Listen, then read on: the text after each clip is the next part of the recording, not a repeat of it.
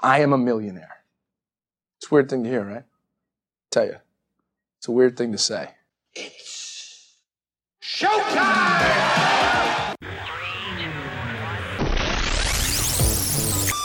Välkommen till Prata pengar.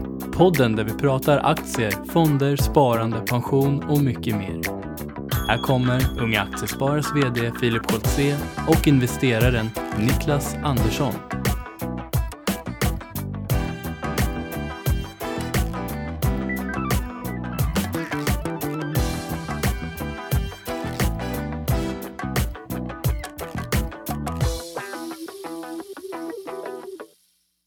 Säger vi äntligen måndag och eh, välkommen till eh, podden Prata pengar. Och hej på dig Niklas! Hej på dig Filip! Hur är läget? Jo men det är bra, skönt att vara tillbaka.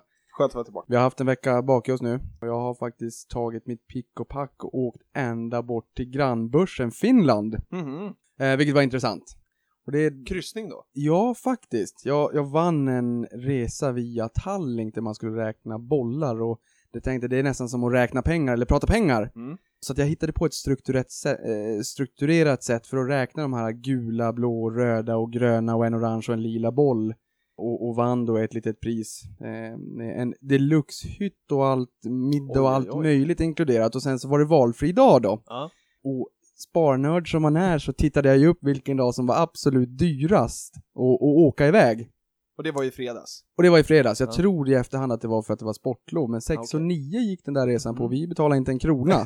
så det kändes jättebra. Bra deal. Och just det där med Finland också, det är ju en grannbörs, men det är ju inte... Jag i alla fall personligen har inte tittat jättemycket på Finland. Nej. Jag kan inte säga att jag har stenkoll på marknaden. Eh, Och när jag åkte över dit så tänkte jag på det här att kolla lite grann, för man får ju vara några timmar också, en 5, 6, 7 timmar på stan någonting. Och kolla på stan där och kolla vilka bolag som är noterade i Sverige som finns där, vilka man ser och vilka finska bolag och även norska bolag. Det finns ju ett stort köpcentra där, eller några stycken stora då. Och på en av de här så var det en enorm reklamaffisch för XXL. Sportkedjan. Det är en sportkedja som är noterad i Norge Ja. och den kommer väl från början från EQT. Eller är det så att EQT se- senare var delägare i den? Jag vet inte. Ja, jag är osäker också. jag tror att den kommer från EQT, men jag låter det vara osagt. Ja. De har i alla fall varit inblandade i den affären. Och som sagt då även då väldigt många svenska bolag. Sen kan jag ju göra lite gällande att jag var på en konkurrensspaning också. Mhm. Eh, Vad tittar du på då? spontant när jag var där så, när vi var på stan så såg jag Nordnet. Aha. Och då var jag tvungen att ta några fotografier på fasaden som den avansian jag är. ja, vad roligt. Ja, nej, men det var skiljer sig. Nordnet Avans lite grann, att Nordnet finns ju i eh, de fyra, eh, är det skandinaviska länderna?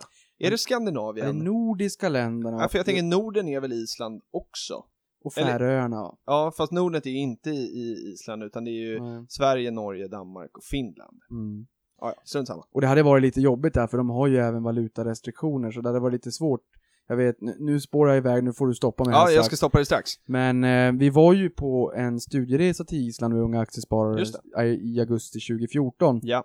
Och då pratade jag med både, eh, ja det var ju Sedla Bank och Islands banker, men det är Islands bank jag tänkte på här då. Sedla Bank är eh, centralbanken. Och då berättade en av förvaltarna där att det var nio bolag i deras fond. Eller snarare så här, jag backar bak. Jag pratade med våra vänner, våra isländska vänner i motsvarigheten till Unga Aktiesparare. Mm.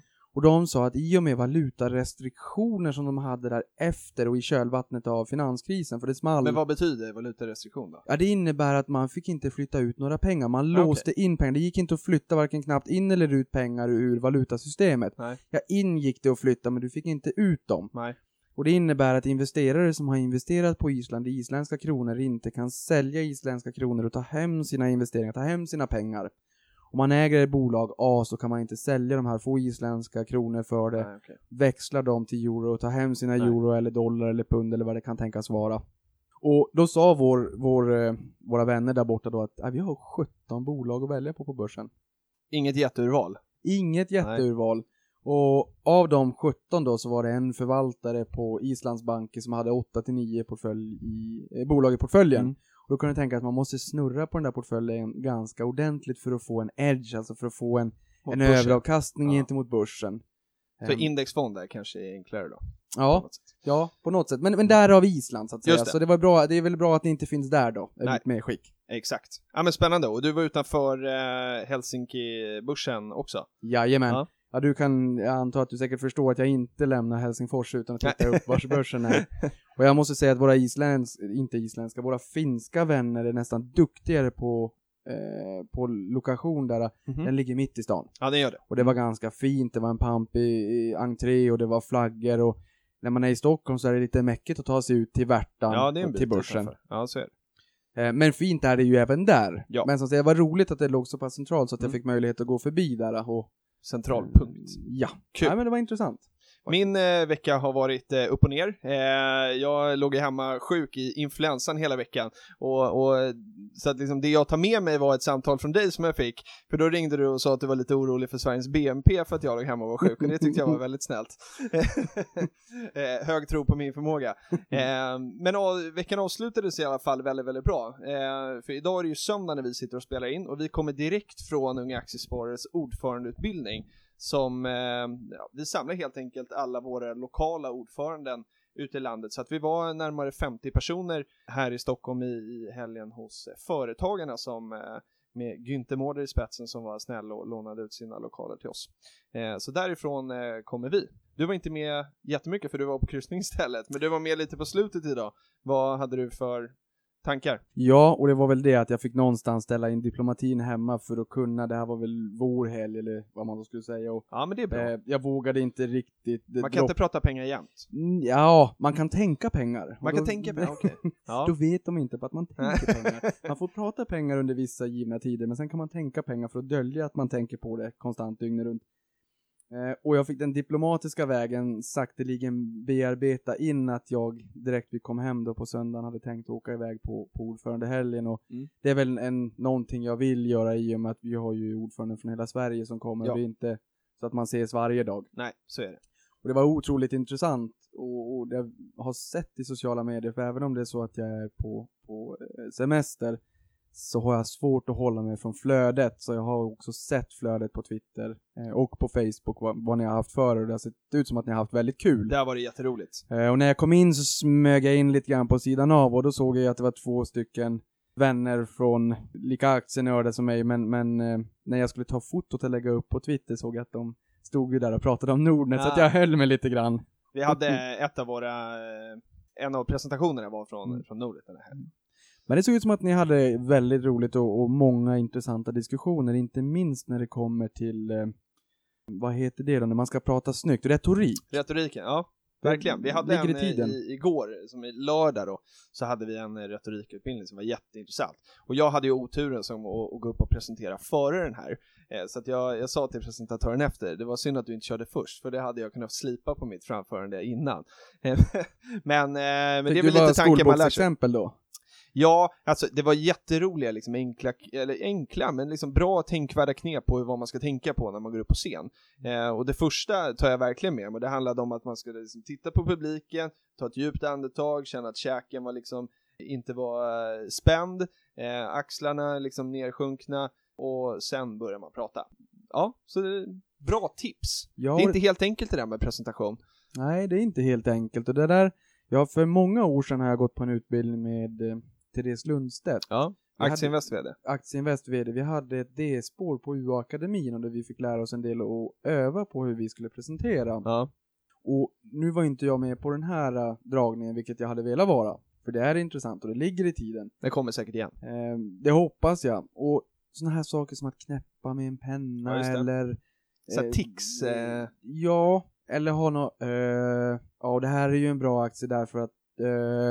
In, inga sådana saker, Nej. utan hellre vara tyst. Och oftast kanske det är så att man tycker själv att man är tyst lite för Mm. länge, att det blir en pinsam tystnad, men att man som lyssnare tycker att det där var mer en normal tystnad. Just det. Eh, och att det inte alls är något konstigt. Det är så många sådana tips och knep som jag gärna hade Mm. tagit med mig om jag hade varit där. Så, Så intressant eh, agenda har ni haft. Ja, eh, och du var inne på något intressant innan, att eh, du har följt med i flödet även fast du har varit på lite semester i slutet på veckan. Och vilket flöde vi har haft den här veckan. Vi vill rikta ett stort tack till, till alla lyssnare som är jätteschyssta och delar med sig av när de lyssnar på vår podd, vad de tycker om den och rekommenderar andra eh, att lyssna.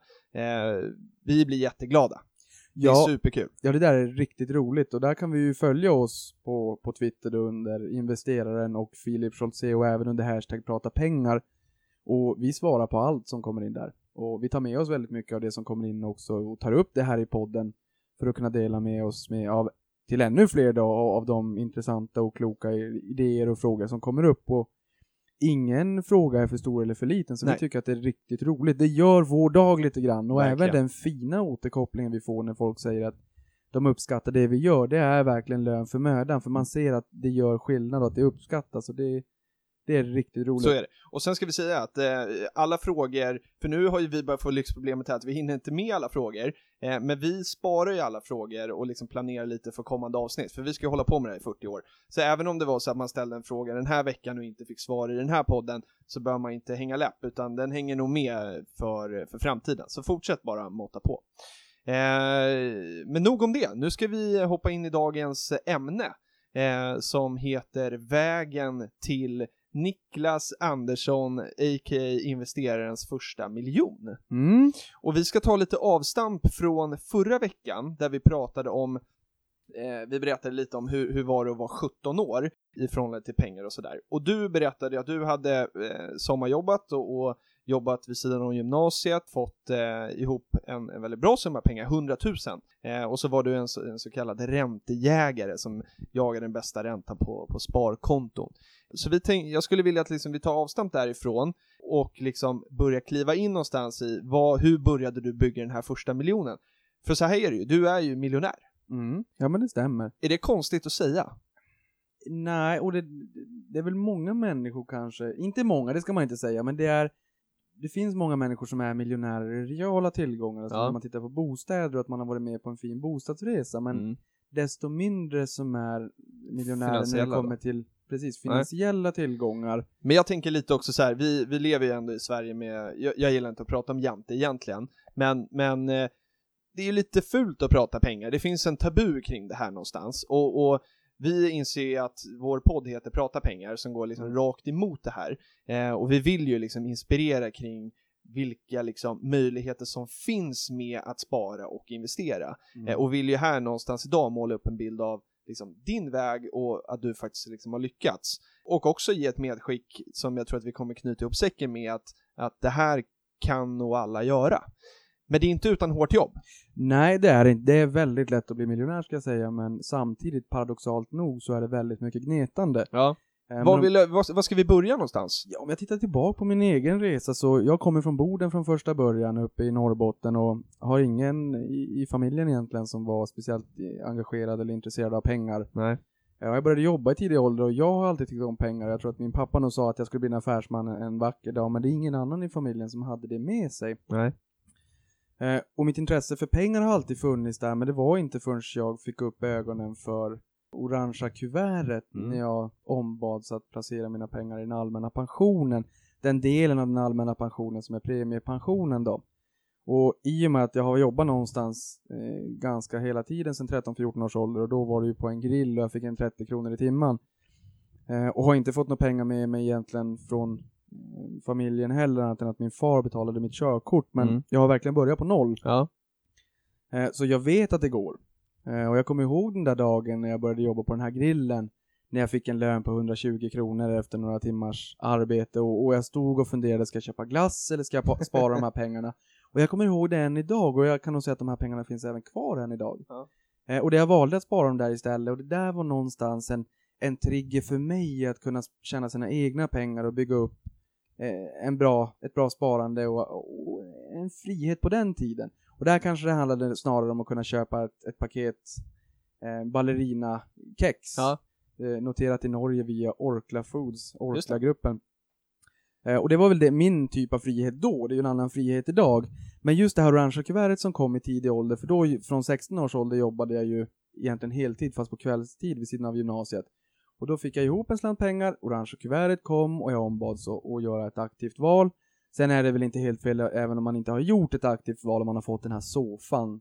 Start- Den har ju presterat ganska bra den också. det har den. De har en inbyggd belåning där i också så att den, den överpresterar när börsen går bra och underpresterar när börsen går dåligt, men den har faktiskt gått ganska bra och Mm. börsen går ju upp över tid. Men därifrån någonstans inser jag och kommer ihåg hur otroligt förvirrad jag var, för jag förstod inte riktigt vad det var jag läste. Nej. Och jag valde SPP för att det var ett varumärke jag kände igen och där kanske många men jag kommer ihåg hur jag kände och det är kanske så det funkar idag. Man har sett en, eh, TV-reklam en kanske? tv-reklam eh, och jag skulle väl säga att om jag hade sett flytta tillbaka till den tiden nu så hade jag förmodligen valt AMF. Jag gillar de reklamerna i tv med den här gamla gubben Lilla som ser gubben ut som jultomten. De har fått det där konceptet, de har, de har gjort ett riktigt bra koncept av det där. Och det kanske hade varit så att jag hade valt dem då. Och sen kanske jag hade låtit det vara där. Mm. Men det triggade igång mitt intresse. Sen bokade jag en tid på banken Mm. och ville ha ett Visakort, men jag var inte 18 så jag fick ingen Visakort. Men sen sa jag att jag hade byggt ihop mina 100 000 där och tyckte att jag ska visst få komma åt mina pengar och då tyckte hon väl att ja, okej, det låter bra, det ska du få. Och sen bokade jag en tid med en rådgivare, men jag fick nog inte den hjälpen riktigt jag ville och egentligen det jag ville var ju att jaga högsta räntan på ett konto. Det behövde Just inte nödvändigtvis vara hos Swedbank och det var nog inte det de riktigt ville heller. Det var Swedbank i det här fallet alltså. Det var Swedbank i Ja, det här fallet, det, kan man väl säga vilken bank som helst. vilken bank som helst, men Swedbank har nog mer eller mindre monopol när det kommer upp till mindre städer. Ja, okej. Mm. Så att av den anledningen så var det just Swedbank i det här fallet då. Eh, och där någonstans väcktes mitt intresse. Där gick jag hem och började titta och hur kan jag komma igång med det här med sparande. Och där fick jag upp ögonen för första gången eh, även just för aktiemarknaden. Alltså inte bara spara pengarna på konto utan även aktiemarknaden och att den möjligheten fanns. Så unga aktiesparare fanns inte i Boden utan då var det tack vackert att att köra aktiespararna istället och där gick jag på deras träffar och till slut så kom jag även in i styrelsen där och fick Okej. servera kaffe då. Mm. På mötena, men det tyckte Man jag var börjar kul från ändå. botten. Ja men börja från botten, absolut. Jag tyckte det var jättekul just att och, och vara en del av den världen och där började jag sakteligen komma in med det här eh, med aktiesparande. Sen hade jag varit igång i några år när, eh, när finanskrisen slog till med full kraft. Och där lära sig att det går inte alltid bara upp utan det kan även gå ner och ganska snabbt. Ja. Och att man lär sig hur man både reagerar och sen agerar har varit en, en bra lärdom och en Mm. bra skola. Men det har varit väldigt hårt gnetande. Men du klev inte ur då när finanskrisen kom? Nej, Nej. nej, det gjorde jag inte. Och det är jag glad för. Ehm, och idag har man någonstans lärt sig att tackla det här. Ja. Men egentligen från det att jag började på grillen där så har jag nästan sparat hela lönen hela tiden. Mm. Och under gymnasiet så jobbade jag ju, eh, som mest jobb, hade jag tre jobb vid sidan av gymnasiet. Mm. Eh, och, och det höll ett tag men det var inte riktigt långsiktigt hållbart. Men det där är intressant tycker jag, för att eh, så här, hur mycket man ska spara av sin lön. Du sparar ju väldigt mycket av din lön. Eh, jag sparar också ganska mycket av min lön. För att liksom, det är en stor del av, av det man tycker är roligt. Det är ju en hobby också, det är ett Mm. intresse. Eh, men eh, där någonstans så inser man ju då så här att man måste ju offra ganska mycket. För Ja. att för alla de här pengarna som du har, hur- stort är ditt månadssparande? Ja, idag om jag skulle, om jag skulle räkna på ett snitt med Ja. alla, alla eh, spontana insättningar under året av olika kassaflöden så ligger det på en 17-18 i månaden totalt Mm. sett. Och det är ju jätte- jättemycket. Alltså det är ju vad många ja. får ut i nettolön. Det är väldigt Ja. mycket och det behövs absolut inte vara ett så högt belopp för att lyckas. Tvärtom. man, man, man kan nå sin första miljon utan att spara liksom 17 000 per månad. Ja, där skulle jag nästan vilja återkoppla till att säga att tänk dig själv om det är så att du har bestämt det här vid nyårsskiftet att, att gå och träna på gymmet och Mm. sen så kör du fullt ut två träningspass om dagen. Mm. Lärarledd på högsta, hårdaste nivå. Det kanske håller i två veckor, sen så, så lägger man av. Ja. Eh, Jag skulle vilja säga det viktigaste där är någonstans att komma igång med sitt sparande, börja spara den första en, två, 300 kronor i månaden Ja, någonstans. eller de här komma 10 igång. procenten som vi har pratat om tidigare, att man lär sig leva på 90 procent av sin inkomst och så sparar man 10. Eh, och sen liksom i, i takt med att man lär sig mer och tycker att det här kanske blir roligare så, så kan man liksom trappa upp det där om man tycker det. Ja men precis, just att få, få igång sparandet och få upp en liten slant Mm. eh, med målbilden att 10% av inkomsten är en väldigt bra nivå. Så Mm. att det är ett riktmärke, för det tror jag många som inte kanske pratar med oss eller lyssnar på det här eller läser, där det inte är naturligt att läsa ekonomiska skrifter. Eh, Man kanske inte ens tycker att det är kul. Man, men man börjar tycka att det här är lite intressant och ställer sig själv frågan hur mycket ska jag spara? Mm. Hur långt är ett snöre? Exakt. Men just det där 10% av inkomsten, det är en ganska Det är en bra, tumregel. nivå. Ja. En bra tumregel. Och, och sen om det nu är av nettolönen eller bruttolönen, det, det får man bestämma själv. men det är en ganska bra nivå. Jag Ja, tycker det, är ett bra att man riktmärke. gör någonting. Ja. Mm. Viktigast är att komma till gymmet och börja träna. Den bästa träningen är den som blir av. Vi, vi knycker den och säger det bästa sparandet är det som blir av. Verkligen. Och där visst, idag, du sa jag är miljonär, jag är mångmiljonär idag och jag har ingen portfölj heller som är fokuserad på utdelningar men, Nej. men eh, Vi får mycket frågor om utdelningsportföljer. ja, Det verkar vara väldigt i, i tiden och populärt. jag skulle säga min utdelning i portföljen är inte jättehög så för att jag inte har tiltat, som man kanske säger, tiltat portföljen mot utdelning utan snarare mot bra bolag och sen på ålderns höst kanske jag väljer bolag ut efter utdelningsnivå Mm. och direktavkastning för att få det löpande flödet. Men i år får jag nog någonstans ändå en utdelning på 120 Mm. 000 om året eller 10 000 i månaden.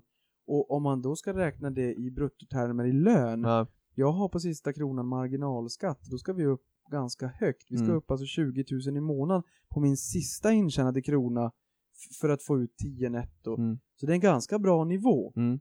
Och tänk dig själv att för varje tusenlapp man sparar, Mm. om man får en direktavkastning på 5% säger vi, tror snittet någonstans är 3,5% eh, de senaste åren För börsen ja. för Mm. börsen som helhet, men säg 5% då. Det innebär att för varje tusenlapp Mm. så är det 5 kronor i utdelning. Mm. Livet ut.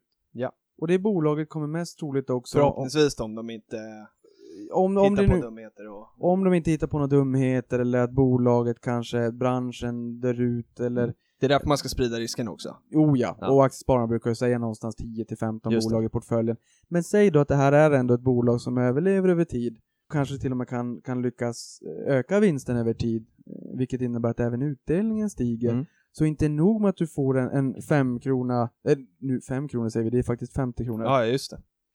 Säg 50 kronor. Ja, Det är vet, söndag procent sent. efter- Ja, det är det. Eh, säg, inte nog med att du får 50 kronor livet ut. Nej. Dessutom kanske du får en utdelning som har en tillväxt på en 5, 6, 10 procent om året. Så inte nog med att du får den där 50-lappen, du får även en ökning på en 5 krona varje år. Så det blir 55, Mm. 60, 65, 70. Just det. Och det där, när, när, när du får spinn på det där, Mm. då går det väldigt fort. Mm. Och det är som vi har sagt det där tidigare också, hur ofta höjer du din lön, din inkomst av tjänst med 5, 10, 15 procent? Och då brukar folk säga, nej det händer ju inte, det, det, det förstår man ju själv. Ja, men det kan du faktiskt göra när det gäller inkomst av kapital. Så är det. Det är inte så ovanligt. Nej. Och hur man än vrider och vänder på det, så om det inte är ett bolag där det, människorna är, är hela bolaget och att det är verkligen ett humankapitalintensiv bolag, så när det kommer till räkenskapernas värld och siffrornas värld, så är ju personalen en kostnad i kalkylen. Du kan inte säga att du ska starta ett bolag och inte räkna på personalen. Och du måste ju ha en vinst på sista raden. Och det innebär ju att bolaget ska tjäna pengar efter att kostnaden för personalen är dragen. Så att i den bemärkelsen så är ju personalen en kostnad. Sen kan man ju också ha en mer mjuk inställning till att säga att personalen är väldigt viktig. Ja, jag håller med. Absolut. Jag är lite skadad och ibland när jag ser Securitas-vakter så har jag kommit på mig själv och tänka aha, det är en kostnadspost på Securitas resultaträkning. Men människor är viktigt, men det jag försöker säga det De är driver att ju också verksamheten och Ja. resultat. det är, inte, det är inte personalen som ska få Nej. största slanten pengar utan det ska vara en vinst på sista raden i bolaget. Och jag stiger upp varje morgon. Nu har jag precis börjat på Avanza och jobbat där en vecka och känner att jag kanske har gått i pension och snarare jobbar med det jag älskar. Men man stiger upp på morgonen där och, och, och går till jobbet Mm. och sen vet man att det är aktieägarna bakom bolaget som, som drar det längsta strået och tjänar den största slanten Ja. pengar när året räknas ihop. Varför inte då äga aktier Att Och- bli en av dem och bli en av. Ja. dem och vara aktieägare och inte ens behöva lyfta ett finger för att tjäna de här pengarna. Men om vi, om vi säger då så här, nu, nu har du gjort den här resan från, vad ska vi säga då, att du började? Jag 20 började på 120 kronor. Ja men, 100, Vilket år? Ja, men om vi säger när du började med, du hade de här 100 000 och så började du investera i aktier. Vilket år var vi då? 2000, precis före finanskrisen då kanske? Ja, säg 2003 började jag nog med, med börsen och marknaden, Mm. men Men vi säger 13 år ungefär. ja. Och, och det man kan göra, här skulle vi vilja pusha för en ganska bra app. Det finns en app som heter Sparlabbet. Oh, ja, och de har, de har inte sponsrat oss överhuvudtaget, men vi använder den båda två och tycker den är väldigt bra. Där kan man ju skriva in hur mycket pengar har, du, eller har jag idag, hur mycket har jag tänkt spara varje månad, vilken förväntad avkastning ska jag ha, och så räknar den, och hur många år. Och då får man fram liksom, vilket belopp kommer det här vara i framtiden. Och här skulle man ju kunna laborera dem i sina egna för att jag tycker den här är bra för att sporra lite grann. Om jag höjer mitt månadssparande lite grann så kommer det generera så här mycket och det kan ju bli den här sporten med en själv. För du pratar om ett gnetande och det, vi ska komma in lite på det. Men det är ju precis det det är. Man måste våga säga nej till någonting idag, den här glassen eller latten eller vad det nu är, för att liksom kunna bygga den här finansiella liksom, styrkan. Och nu pratar vi pengar, det blir väldigt mycket fokus på pengar och livet är ju så mycket mer. Men det du sa nu precis, att du kliver upp varje morgon nu och känner att du har gått i pension för att du gör det som du verkligen vill göra, kommer ju till viss del av att du är fantastiskt duktig på det du gör och är intresserad av att hamna på ett sånt bolag.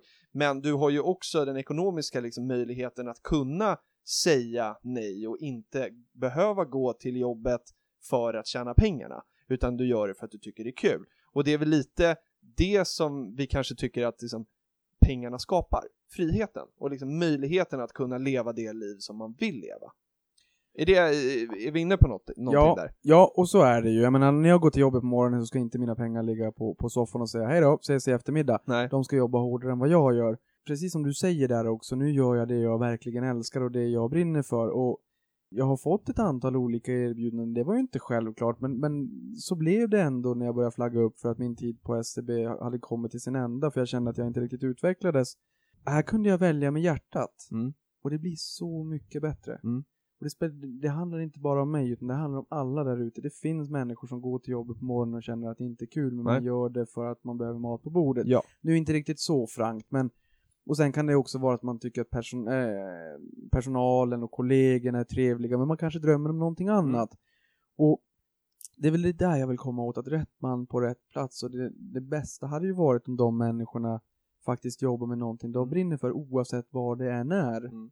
För då gör de det de ska göra, det de borde göra. Och om vi kan optimera ekonomin på så sätt att alla gör det de verkligen brinner för, då skulle det bli betydligt mycket bättre. Verkligen. Jag har på andra sidan gatan så finns det en sån här hemmakväll. Ja. Och jag brukar ställa mig själv frågan, jag ju, och dessutom, det blir ännu värre när jag är aktieägare i Netflix. Men vem hyr en film, en fysisk film längre? Det är nog inte så många. Men de, det är ju nästan en godisbutik idag mer. Oh ja, och det är väl förmodligen en av de absolut bästa för det är väldigt färskt godis, och det är det ju. Men, den här killen som jobbar på hemmakväll på Ja. Lidingö, det är nästan lite roligt om man lyssnar på det här. För han är så otroligt engagerad och driven och har koll på alla filmer och vet vad man Mhm. vill ha. Och säger att, har du sett den här eller har du sett den här? Och Mm. den här tror jag att du skulle gilla. Det går inte att komma därifrån utan en fysisk film i handen. Och jag förstår inte hur det går till. Nej. Och det är just det där jag menar Men med han att- brinner väl för det? och han brinner för det. Rätt man på rätt Mm. plats. Det spelar ingen roll om det är sparande Nej. eller om det är hemmakväll eller om det är en färghandel eller vad det än är. Rätt man, eller rätt man är fel att säga, men, men rätt person. Personer. Rätt man, det är, det är väl man eller kvinna spelar ingen roll. Nej. Rätt person på rätt plats, det blir så mycket bättre. Ja. Så är det. Och det är ett knetande. Men vad, vilka uppoffringar har du fått göra då? Alltså för att kunna spara eh, liksom den här summan pengar. Och nu är det sådär, man måste utgå från sig själv. Du, ditt månadssparande är liksom betydligt större än vad, än vad mitt är. Eh, för att jag har valt att liksom prioritera lite andra grejer också. Så att allt det här blir väldigt liksom personligen. Men vad, vad offrar du? Ja, för där kan man väl säga att mitt, min största passion är ju sparande, börs, finans, aktier. Och det gör ju att det, den slanten pengar som någon annan kanske lägger på hockey eller eh, hästridning eller bergsklättring eller vad det än är, det lägger jag på sparande. Just det. Och mitt sparande är inte sparande, det är investerande. Och det är verkligen det jag brinner för och det gör att det blir inte riktigt det här, jaha, du sätter av pengar för att spara idag, men när ska du leva då? Mm. jag lever ju samtidigt som jag investerar för det är det jag älskar och det är Mm. det jag tycker är roligt. Och där har jag ju sagt tidigare att jag investerar inte bara för pengarna utan jag är stolt över att äga de här bolagen. Jag tycker det är spännande. Mm. Men sen kan man väl säga att även i ung ålder, i väldigt ung ålder under gymnasietiden så sparar jag betydligt mer än vad de flesta i Sverige gör. Och det var ju ett, ett aktivt val där jag valde att offra annat just för att jag tyckte att det här var så himla roligt. Mm. Ehm, och det kanske gör att man inte unnar sig den där extra kaffen på stan som är lite dyr eller man köper inte en massa kläder hela tiden eller eh, köper inte nya däck till bilen hela tiden eller ja, men Det är en kostnadskontroll kan man Ja, säga. det är en extrem kostnadskontroll och kanske inte unna mig själv saker hela tiden heller och det gör att när jag köper någonting så är jag extremt nöjd med det jag har köpt. Ja. För att om jag ska köpa någonting dyrare, som när jag skulle köpa min, min eh, Macbook Pro, jag Mm. funderade ju i veckor fram och tillbaka och velade när, när tanten där hemma bara trycker igenom det och köper. Men jag gör inte det, jag måste tänka och klura och fundera och det gör att när jag köper någonting då har jag verkligen övervägt fram och tillbaka och då uppskattar jag Mm. det jag har köpt. Mm. Det är inte som om man är liten och får en massa julklappar. Till slut så till slut så går det inflation i förväntningarna och man blir inte så speciellt glad för den där sista julklappen på marginalen. Nej. Eh, utan mindre saker men, men verkligen pricken över i och sånt jag verkligen vill ha och verkligen uppskattar och det blir nästan bättre, i alla fall för mig. Mm. Och just det här med pengar, du kan känna att jag kan köpa det här om jag vill, men jag behöver inte. Men jag Nej. har möjligheten. Och som du sa där, pengar gör, som vi har sagt tidigare också, det gör att man kan leva livet på det sätt man vill, inte måste. Nej, så det, och och där kan man säga, så det är inte pengarna i sig som gör en lycklig. Eh, För, för det kommer till min fråga här, när nådde du din första miljon?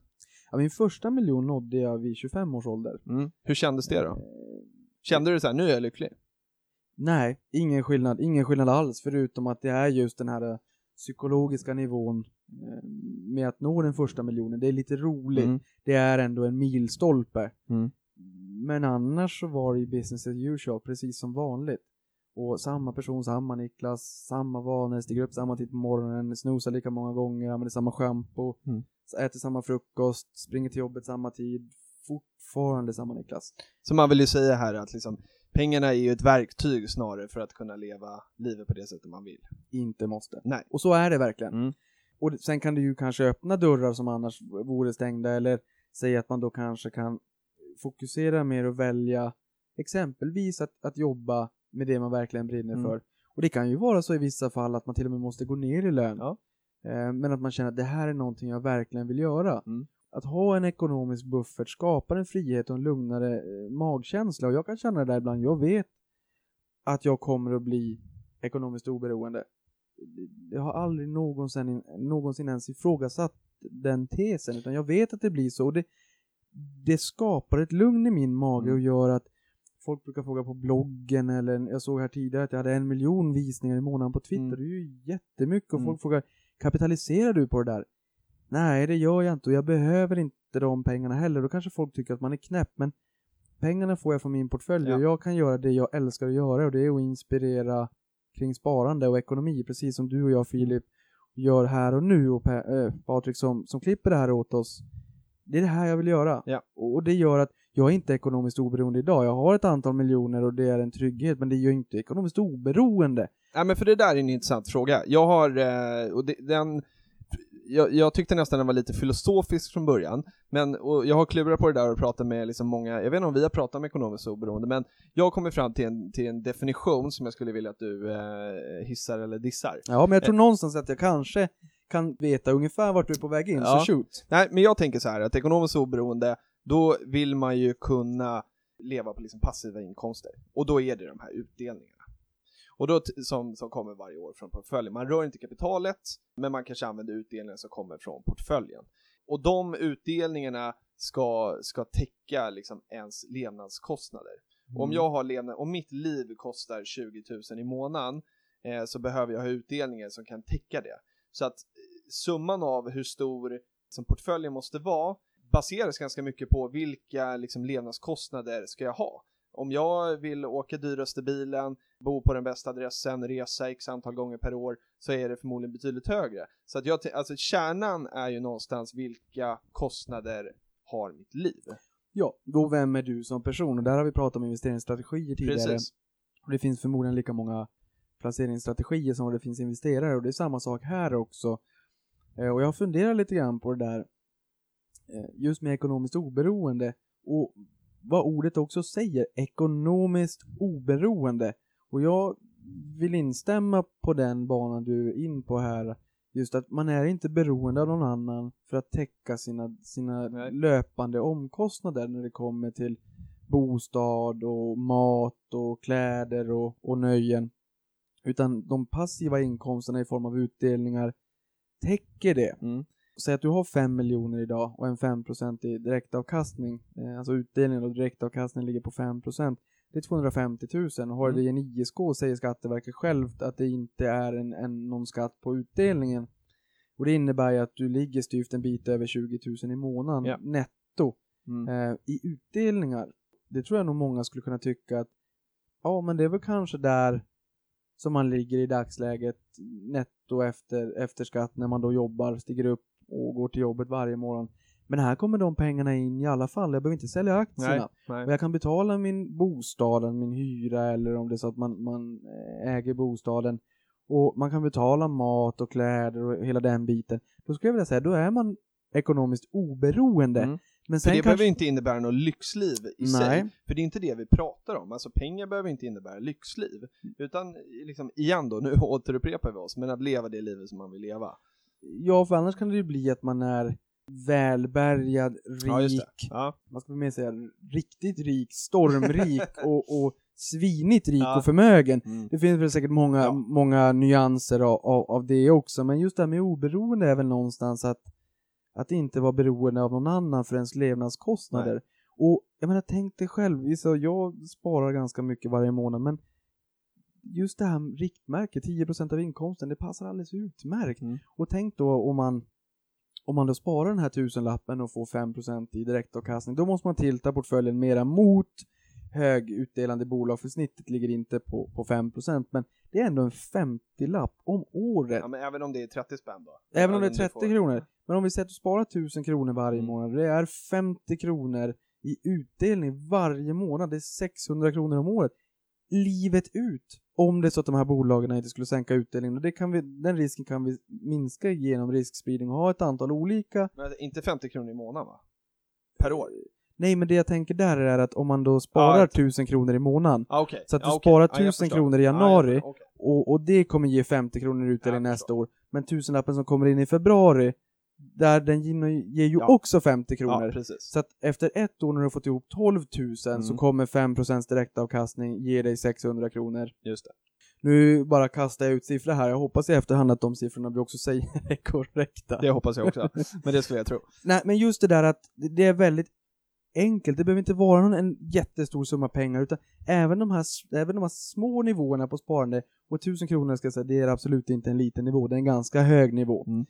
Jag skulle vilja att alla som lyssnar på det här, om de funderar på hur mycket de ska spara, inte mindre än 100 kronor i alla fall. Försök sätta av en hundring. Ja, men och- och för där är ju st- studentexemplet är väl ganska bra. Nu eh, där man får 1000 kronor eller vad det är i, i studiebidrag, Mm. när man går i gymnasiet kanske, eh, och, och bor hemma. Alltså ta en, ta en hundralapp och, och börja rulla igång. Ja. Eh, för det, ja, du kommer ha mer pengar i framtiden, eh, det vet vi. Framförallt så kommer du igång tidigt och får liksom lära dig. Och det är 100 spänn, det är en, eh, en lunch eller eh, några öl med kompisarna eller vad det nu kan vara. Och det är just den här med ränta på ränta-effekten. Och där möter jag väldigt många människor som, som inte känner till att det egentligen inte slanten pengar man sätter av som är det viktiga, utan det är tiden och avkastningen. Ja. Och det är inte sällsynt att man säger nej men jag ska, jag ska spara ihop en större slant innan jag kommer igång med det här. Kunskapen tar tid. Jag har Ja. hållit på med det här i många år, vad sa vi, 13, 13 år, år nästan dagligen. Mm. Och jag inser att ju mer jag lär mig desto mer inser jag att jag inte kan. Ja. Och kommer aldrig att lära mig allting. Och det är även det här med att börsen är ett psykologiskt väsen. När man tror att man förstår hur den fungerar så tar den en annan vändning. Men man kommer aldrig lära sig allt. Och ju tidigare man börjar desto mer hinner man ju lära sig. Så att de absolut viktigaste faktorerna, jag har sagt det förut och jag säger det igen, det är tiden och avkastningen, inte slanten pengar. Nej. Så att kom igång i tid, inspirera era barn i ung ålder, om det är vuxna som lyssnar på det här som kanske har egna barn. Så ett frö i tidig ålder, redan när de säljer jultidningar. Så det fröet så att de förstår lite grann att, att spara över tid och vad det faktiskt gör. Låt barnen vara med och sköta sparandet, även om det är pengar de kommer få på 18 och 20-årsdagar. Men involvera dem. För tro inte att skolan kommer göra det. Det Nej, vi kämpar ju för att skolan ska Eh, kunna, sen, sen, ska man ju säga att ung privatekonomi är ute Mm. i skolan, så det ska vi inte förglömma att Nej. säga. Men skolan själva, glöm att de tar det ansvaret, inte som det ser ut idag. Nej. Så att ung privatekonomi, eh, men även att man som förälder själv eh, låter barnen, inklu- var inkluderande och låt barnen vara med där och lära sig från tidig Mm. ålder. Så tid och avkastning. Och sen ska vi säga också att man behöver, för nu skulle jag vilja säga att du är ett extremexempel och jag också till viss del som liksom har det här som intresse. För alla, även om vi försöker liksom få fler att få det här som ett intresse så är det ju kanske orimligt att tro att, att alla kommer lägga ner eh, sitt eh, som själ och hjärta i att lära sig så mycket som, som du och jag är intresserade av att göra. Men det finns ju liksom nivåer i det här och det finns liksom sätt att investera som gör att man behöver inte vara liksom lika aktiv som, som vi är. Och då pratar jag om liksom fonder och indexsparande eh, och vi, vi ska prata om det i något avsnitt också och, och riva av det. Men det är ju inte sva, svart eller vitt utan liksom det här fungerar ju för alla, det gäller bara att hitta sin nivå. Ja, och det är just det där att en, en billig indexfond eller som eh, Dagens Industris koncept där som jag vet att de, eh, när, Estelle föddes, Ja, så skänkte de 100 000 kronor till henne i ett antal olika eh, välrenommerade svenska stora, Stora bolag. Ja. Och där ska de förvalta det där fram till hennes, jag vet inte om det var 18 eller 20 årsdag. Något sånt. Något sånt. Sen får hon de här pengarna, eller snarare välja till vilken välgörenhetsorganisation hon ska gå. Och det där är ju ett bra exempel på, på um, att man kan köpa och, och lägga in det i byrålådan. Ja. Nu tror jag att de tar en gång om året och, och ser över om de gör några byten. Mm. Jag låter det vara osagt, jag Ja. tror det. Men ändå, det är just det att antingen så kan man vara lika intresserade som vad vi är löpande hela tiden och grotta ner sig. Eller så kan man köpa en, en portfölj med ett gäng stabila, fina bolag och bara lägga ner i byrålådan. Mm. Det behöver inte bli dåligt för det. Nej. Eh, sen tycker ju vi ändå att man ska spara löpande och då får man ju på något sätt se Ja men det är till tillbaka man... till fem gyllene regler. Jo, Mm. och är det så att man har en fond, ja då blir det ju lättare kanske till och med dra som autogiro Ja. från kontot och investeras. Annars om det gäller aktier då får man ju eh, sköta det lite grann, det är lite grann manuell handpåläggning men, men ändå, man behöver inte alls grotta ner sig så mycket som vi gör. Vi gör det för att vi tycker att det är kul. Exakt. Eh, Men sparande bör man ha och det krävs inte alls att man är så aktiv som vad vi är. Men återigen, tid och avkastning. En person som är 20 år Mm. och får samma avkastning en, som en person som är 30 år kommer ha mer pengar om de börjar spara 300 kronor i månaden från 20 års ålder till pensionering än personen som är 30 och börjar komma igång då och lägger en tusenlapp i månaden istället för att komma ikapp, kommer aldrig ikapp. Ja, du har, har du räknat på det? Det är den Ja. skillnaden? Ja. Ja.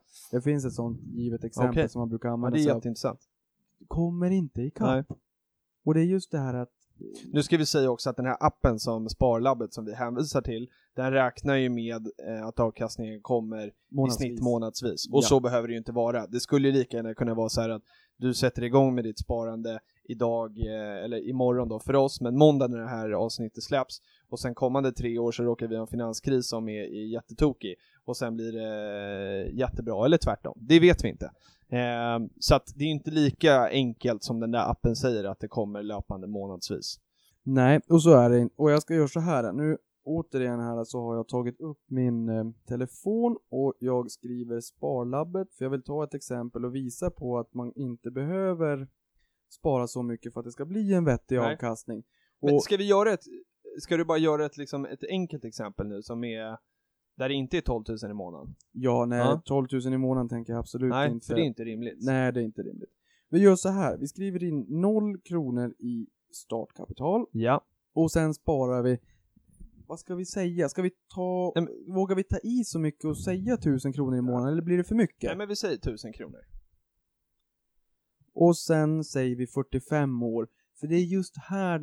Ja vi från- tänker vår målgrupp, vi tänker att vi är unga aktiesparare, man är 20-25 år, Mm. eh, så att då har man eh, 40-45 år till pension. Ja. Och anledningen till varför vi säger 45 år är, det blir ju då från 20 till 65. Ja. Och då kan ju folk tycka, så de flesta jag säger här till, åh vad tråkig du är Niklas, Mm. jag vill också leva livet. Ja, men de här bolagen kommer ju mest troligt att ge utdelning och den Ja. här utdelningen blir ju ändå en rätt betydande slant under livet. Och då kan man ju ta en del av den utdelningen och inte återinvestera och få en rätt bra guldkant på tillvaron. Men vi skriver in 1000 kronor här Ja. och sen skriver jag 45 år. Ja. Och då brukar man säga, nu är det här i, i nominella termer och vad det innebär är inte i reala termer. I nominella, Och, och då menar vi att inflationen inte är medräknad. inflationen är medräknad och, och det blir en Donkenburgare kostar inte en tia när, du går, när vi Nej, går i precis. pension. Nej, just Så det här är ju den slanten pengar det är, men, Ja. men 10 kronor idag, kommer inte vara värt 10 kronor. precis. Nej. Så det beloppet vi, vi får fram här som jag kommer att presentera, det beloppet är ju inte värt lika Nej. mycket som vad beloppet är värt precis nu idag. Men sen har vi, och, och den här faktorn nu med, med avkastningen man tror att man ska få i snitt, jag tycker är superintressant eh, och inte helt enkel kanske veta vad man ska säga. Vi har pratat om 7% tidigare, jag vet att Avanza lanserade ju någon, eh, någon liknande sån här räknesnurra i veckan nu, på initiativ från dig. Eh, och och där, där noterar jag att de skriver 11% i snitt på börsen. Och inte 7 som jag har hört förut, så jag vet inte vad vi ska säga. Mm. Vad är rimligt? Ja, och där kan jag väl också säga att de tog fram den funktionen innan jag började där, men, Ja. men jag har ju likt att jag har träffat folk på Nordnet där du har jobbat och insett att det finns väldigt många individer där som är väldigt engagerade och nästan nördiga när det kommer till aktier, det vågar jag säga, det är ju nörderi. Det är nörderi. Eh, så finns det det på Avanza också. Jag Ja. visade upp den här sparlabbet och, Mm. och det, det tog, det, såddes ett frö. och sen tog de fram en sån här funktion just för att inspirera. Och jag har även Ja. sett i sociala medier att folk hänvisar till det här och Ja, visar, titta, Ja. det, det, blir rätt mycket över tid. Men vad ska vi säga då? Hur många procent tycker vi? Ska vi säga dem 11 då? Ja, alltså, om man tittar sedan 60-talet så vet jag att det finns en siffra som Dagens Industri redovisade och då var det 12,6 procent. Okej. Men då var det är i nominella termer. Vi Okej. hade rätt hög inflation bitvis under 80-talet och vi devalverade ehm, åtta gånger jag för mig att vi gjorde. Och nu har vi en flytande växelkurs. Förut så hade vi en fast Mm. växelkurs och skrev ner värdet på valutan. De tiderna kommer inte riktigt tillbaka igen och det blir sådär nu. 60-talet, det är alltså det är 50, 56 år. Det är många sådana här one-offs, Mm. olika faktorer som inte kommer igen. Men det kan ju Men- komma nya faktorer, tänker jag Det också. kan komma nya Men ska faktorer. vi säga 11 då? För... Ja, 10, 11. 11, 10, 11. 11 blir nästan roligare, men om Ja. man säger 10 Vi borde man kunna 10 få. Då. Ja, vi säger 10. Då tittar vi här då. Återigen, startkapital 0 kronor. Mm. Spara 1000 kronor i månaden Mm. i 45 år Ja. till 7% avkastning. Vi börjar där. Okej, vi börjar på 7. Då har du fått 3 793 000 kronor i sparkapital. Fantastiskt. Det är nästan lika mycket som vad man har i allmän pension när Ja. man går, när man går i, i pension. Där gör jag en jätteavstickare. Jag Mm. började jobba när jag var 16 Ja. och fick det orangea kuvertet. Och jag såg förra året, nu har jag fått det i år men inte hunnit sätta mig in i det. Jag har två och en halv gång så mycket pengar Mm. i det allmänna pensionssystemet i och med att jag aldrig har kunnat sluta jobba samtidigt som jag pluggar för jag har alltid varit beroende av att bygga min egen aktieportfölj. Och indirekt så har jag fått väldigt mycket pengar avsatt Mm. i det allmänna pensionssystemet. Men en hygglig avkastning. Men det är inte avkastningen som har varit det bästa, för jag var inne i Ryssland och Latinamerika också och var med en bit på Mm. vägen ner. Så det är just det här att man har jobbat hela tiden och det har blivit, Det är insättningarna det har som, blivit väldigt påverkar. mycket. Jag, hitt, Ja. ja. jag hittade en sån statistik och såg två och en halv gång så mycket, så jobba gärna extra under studierna. Bygg din Verkligen. egen portfölj, för då får du även avsättning till allmän pension. Ja. Men ja, 7 procent. Vad ligger vi på? 3 793 Just 000 det, det var det. och Ja. av det så är 3 253 000 avkastning. Så tiden och avkastningen är viktig. Ja, Mm. för du kan ju kolla här, 1000 kronor i månaden är 12 000 om året gånger 45 år, så då ser du vad du har satt in. Ja. Så den stora delen är, Det är avkastning. Avkastning. Ja. går vi upp till 8%, Ja. då är vi på 5,2, Ja. 9, 7,4, 10, 10,4 miljoner, 10,4. 11, Mm. 14,9. Och vi stannar där. Nej, det gör vi faktiskt Okej. inte. Och varför vi inte gör det är för jag brukar säga att det, jag, jag har som mål att avkasta 15% om året. Mm. Och här är det nästan värt att lägga in en sån här disclaimer som är lite populärt. Eh, det är inte omöjligt. Det är väldigt möjligt att få 15%. Men vi ska, ja, okej. ja, men... Men- vi ska vara rimliga också. Man ska säga så här. Mm. Det är varken omöjligt eller lätt. Nej. Det är någonstans där mitt emellan. Mm. Så jag Men jag att- skulle säga att alltså, de där 14 miljonerna är ju fantastiska. Oh ja. Jag hade varit jättenöjd. Men om man säger som så att, eh, jag tror att 10% det, det kan man nog räkna med, Mm. där ligger någonstans snittet på börsen. Men om man kan ta index Mm. och sen titta på vilka bolag man inte riktigt tror på eller vilka bolag som inte är så lönsamma och man Mm. tycker att nej men ta bort dem där. Mm.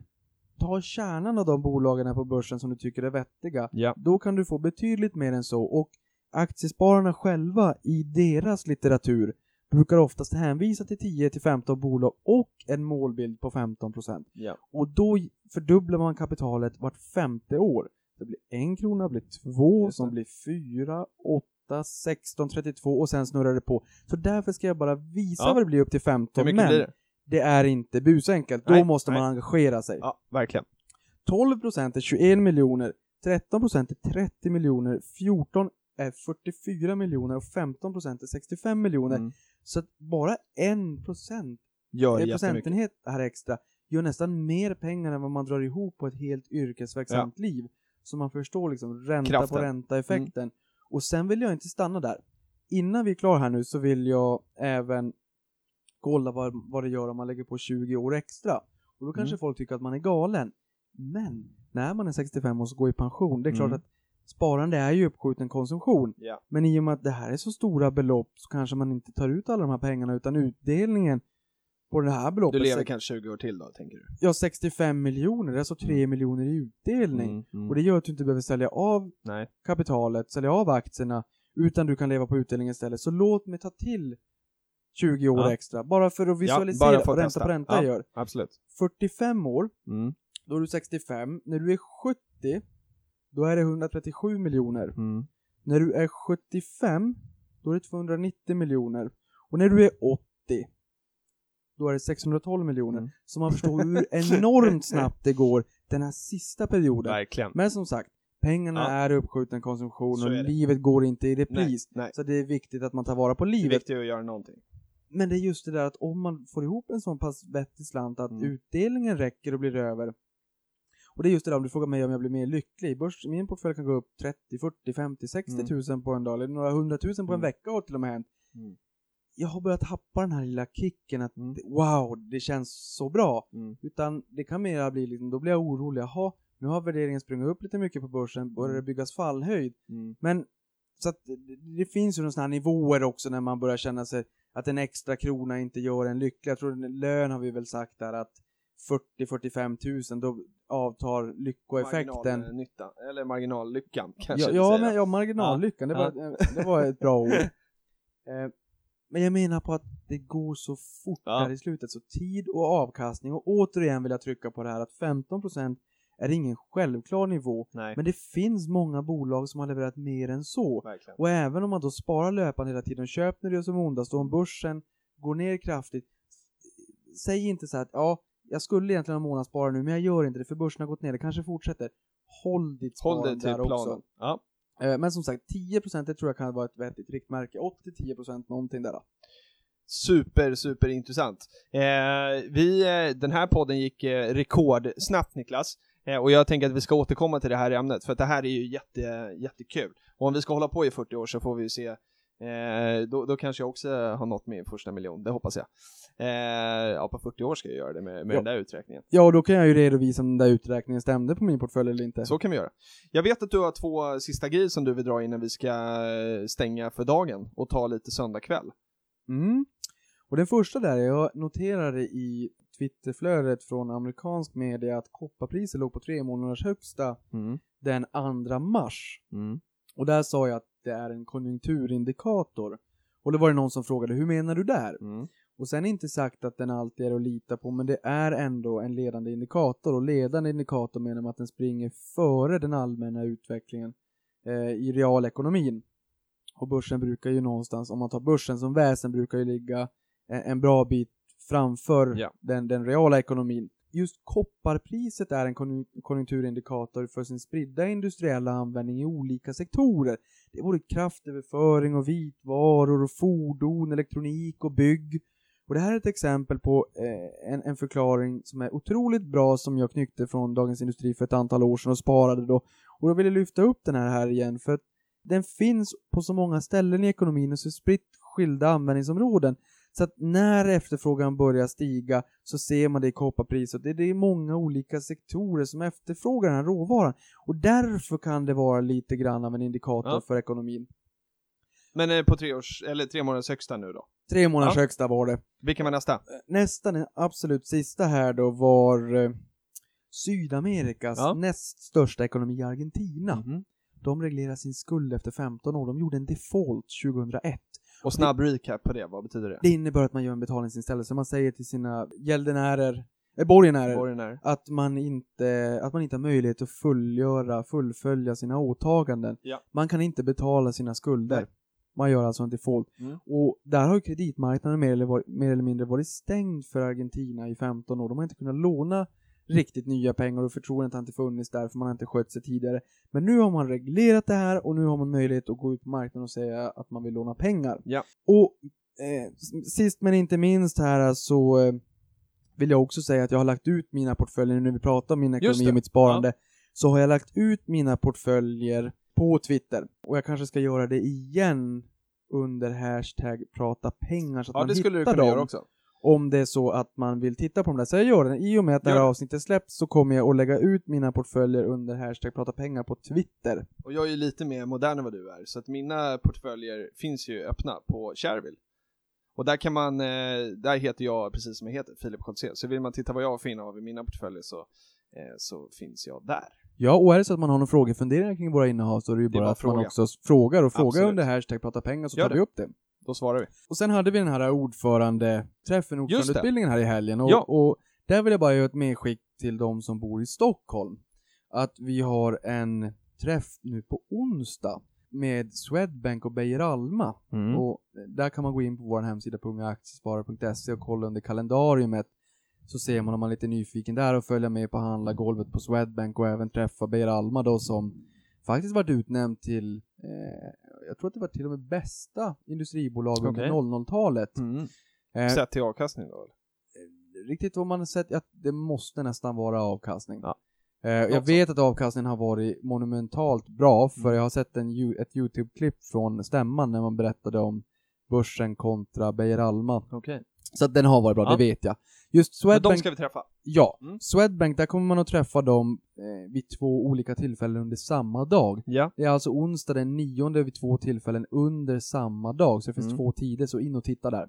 Och då går man in på aktiesparare.se, kollar i vårt kalendarium Ja. och där kan man anmäla sig då. Ja, och Mm. sen sist men inte minst på torsdag då så har vi eh, UA Stockholm Väst som anordnar, anordnar ett event med Amendo bemanning. Mm. Och där är det ett, event för att rekrytera till finansbranschen. Spännande. Eh, så att gå där om det, om det är så att du är student och lyssnar på det här eller om du jobbar och, och funderar lite grann på att kanske byta inriktning eller byta jobb. Mm. Eh, mer sånt. Mm. Kul! Och knyta kontakter. Verkligen. Det får vara dagens sista punkt. Jättetack för eh, idag Niklas och tack till dig Patrik också. Bra jobbat. Så eh, kickstartar vi veckan med Ja. Prata pengar och eh, in i Twitterflödet och, och skriv till oss. Så ska vi svara. Och så ses vi, eller vi hörs igen nästa vecka. Stort tack för oss! Ha det gott! Ha det Hej. gott!